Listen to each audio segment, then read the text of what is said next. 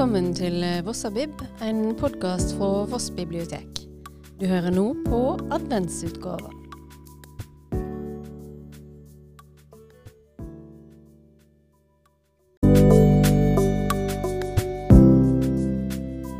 God dagen og velkommen til den 20. luka i julekalenderen, adventskalenderen til Vossabib.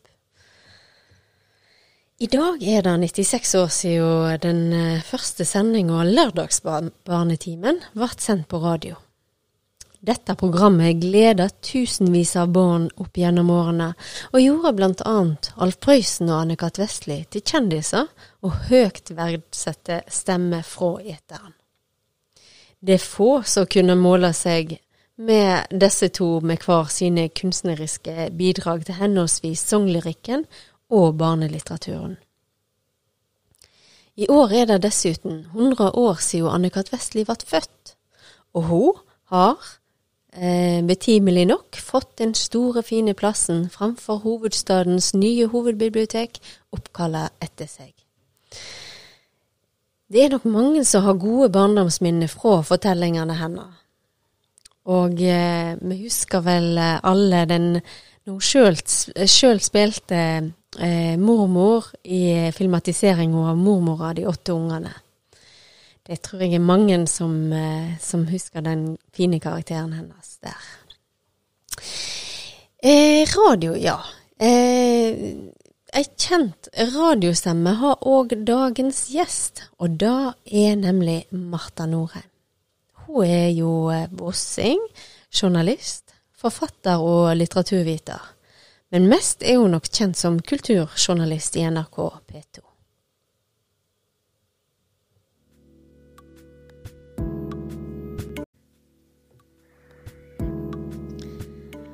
Og da ønsker jeg eh, min gjest i dag, Marta Norheim, hjertelig velkommen til Vossabib.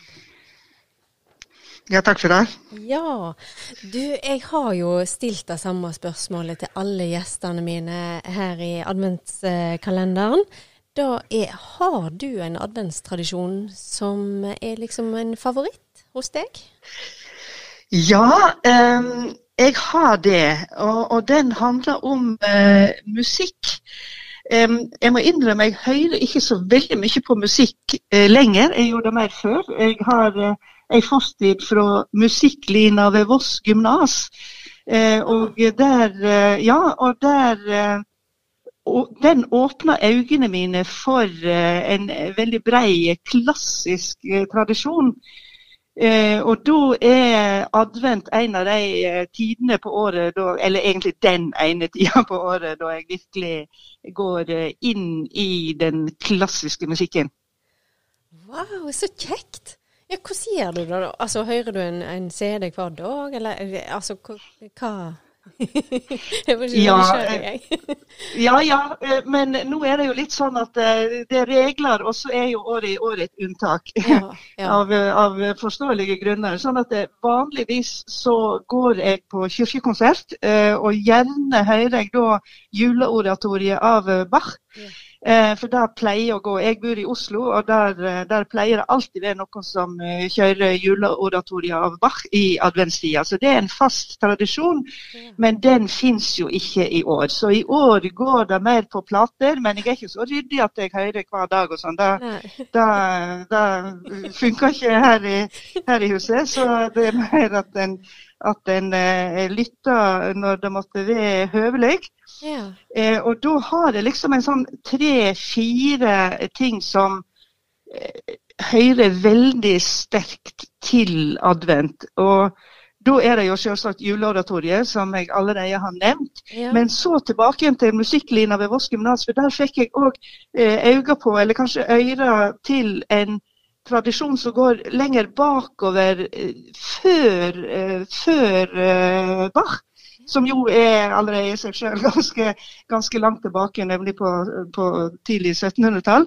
Men så har du altså en av mine favoritter, som også sang på gymnaset. Det er Claudio Monteverdi. Fantastisk musikk. Claudio Monteverdi. Og han har altså en eh, kantate, er det vel, eh, tror jeg det blir, som heter Maria Vesper. Eh, og den er vel kanskje ikke sånn ekstremt knytta til jul og advent sånn nøkternt sett, men for meg er den det. Og, ja. og den er altså så fantastisk vakker. Og så har vi en som, eh, som eh, med sang eh, på gymnaset. Det blir litt sånn tilbake igjen til ja. ungdommen, dette her. Det er ikke til å unngå. Tradisjoner er jo gjerne noe som begynner tidlig i livet, og som en fortsetter med.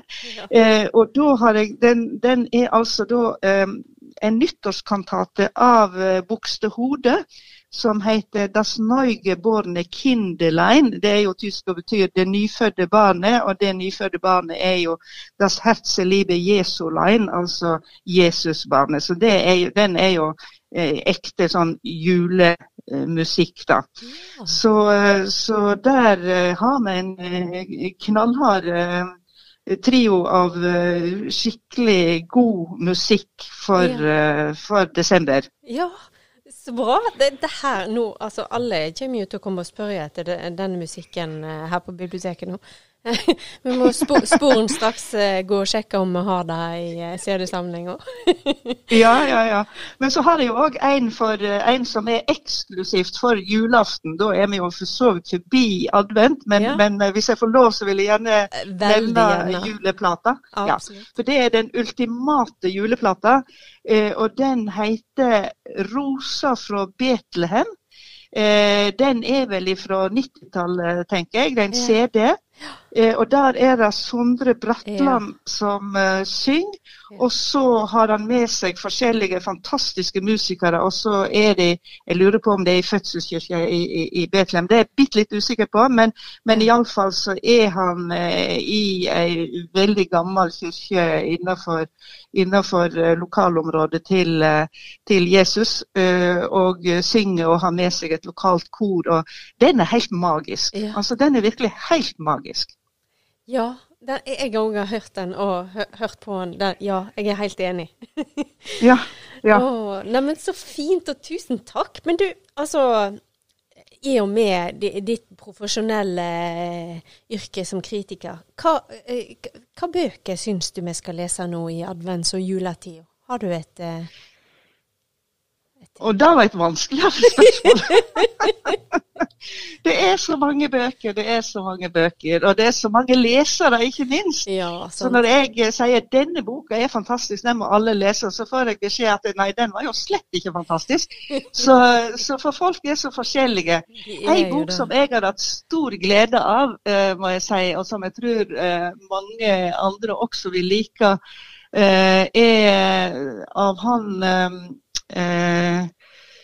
Lars Mytting som har skrevet ei bok som heter 'Hekneveven'. Ja. Det er egentlig bok nummer to i en trilogi, og den aller første den heter eh, 'Søsterklokkene'. Ja. Så hvis en skal gjøre det riktig og kronologisk, så skal en jo begynne med 'Søsterklokkene'. Men det, det er sånne bøker som eh, som en liksom kan eh, krype inn i og være og leve seg inn i, og, og liksom følge med på, på hendelsene etter som de skjer. Og det er jo veldig dramatiske ting da, eh, om, eh, om, et par siamesiske tvillinger eh, som eh, sitter og vever visjonære tepper på 1600-tallet. og så dukker handlinga opp på 1800-tallet, og da spiller denne veven seg inn i handlinga.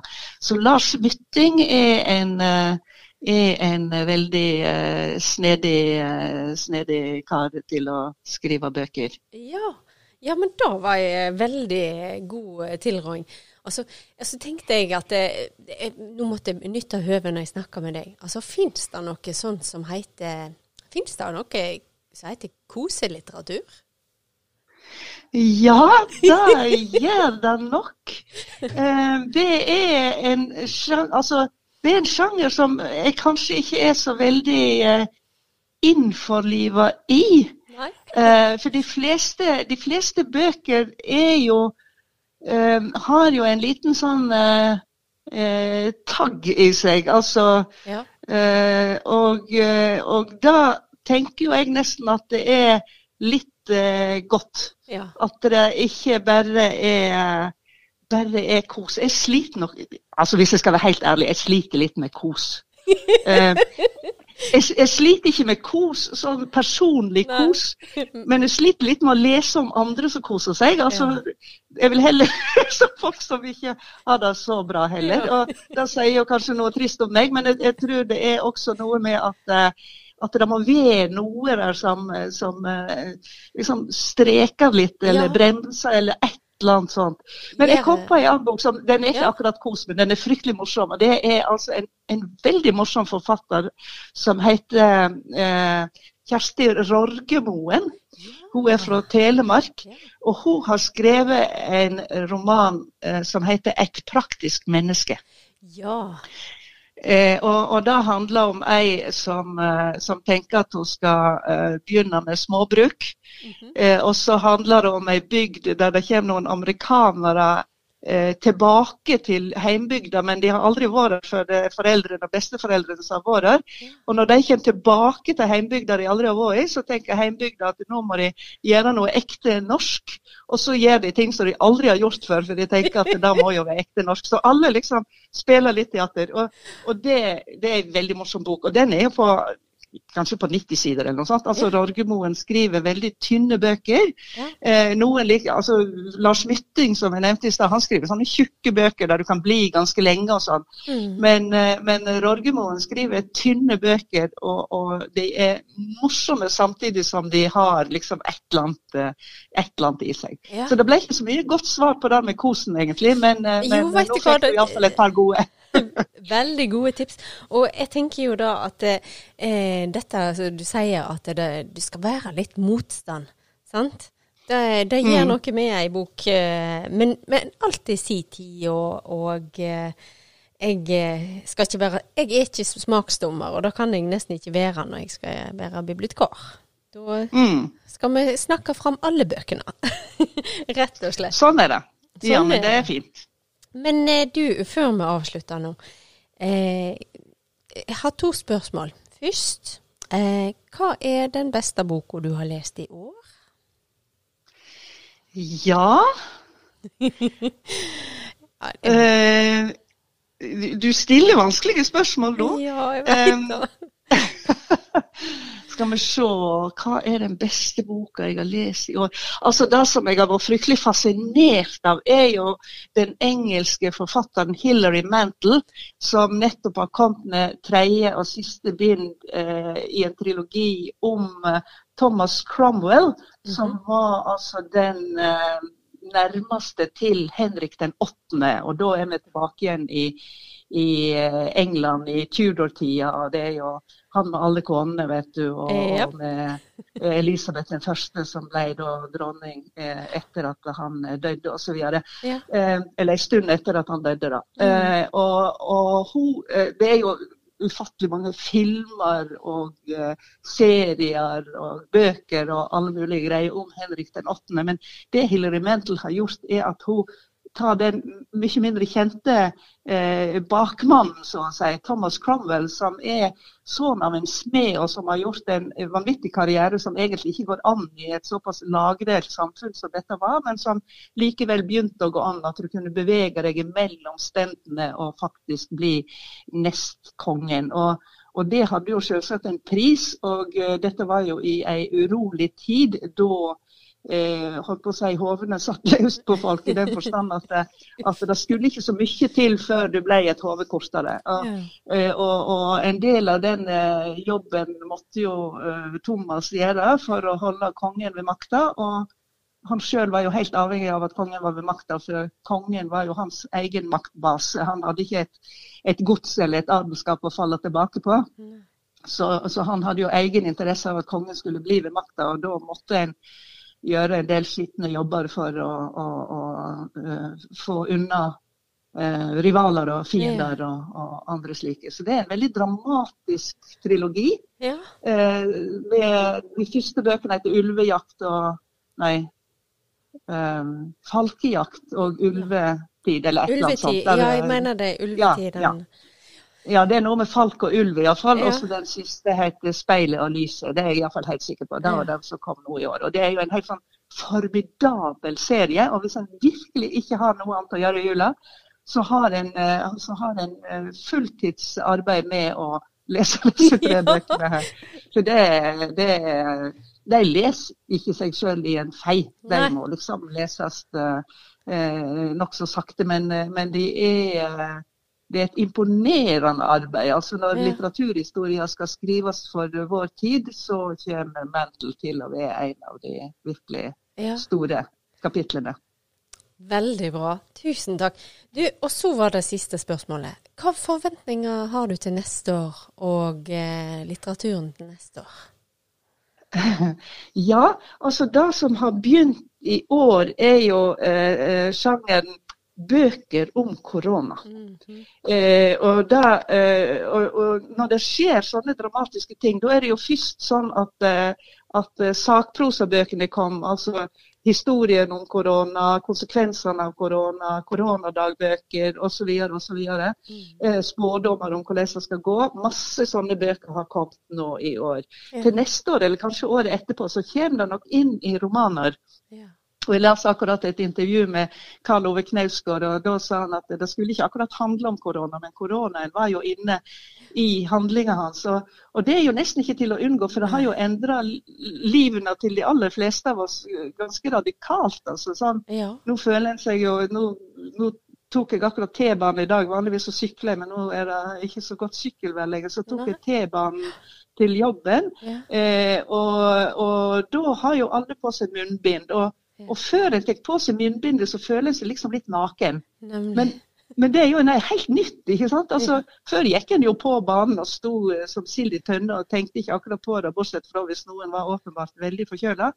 Men, eh, men, nå sitter vi liksom langt ifra hverandre, og alle sitter med munnbind, meg sjøl inkludert. og tenker det er rare tider.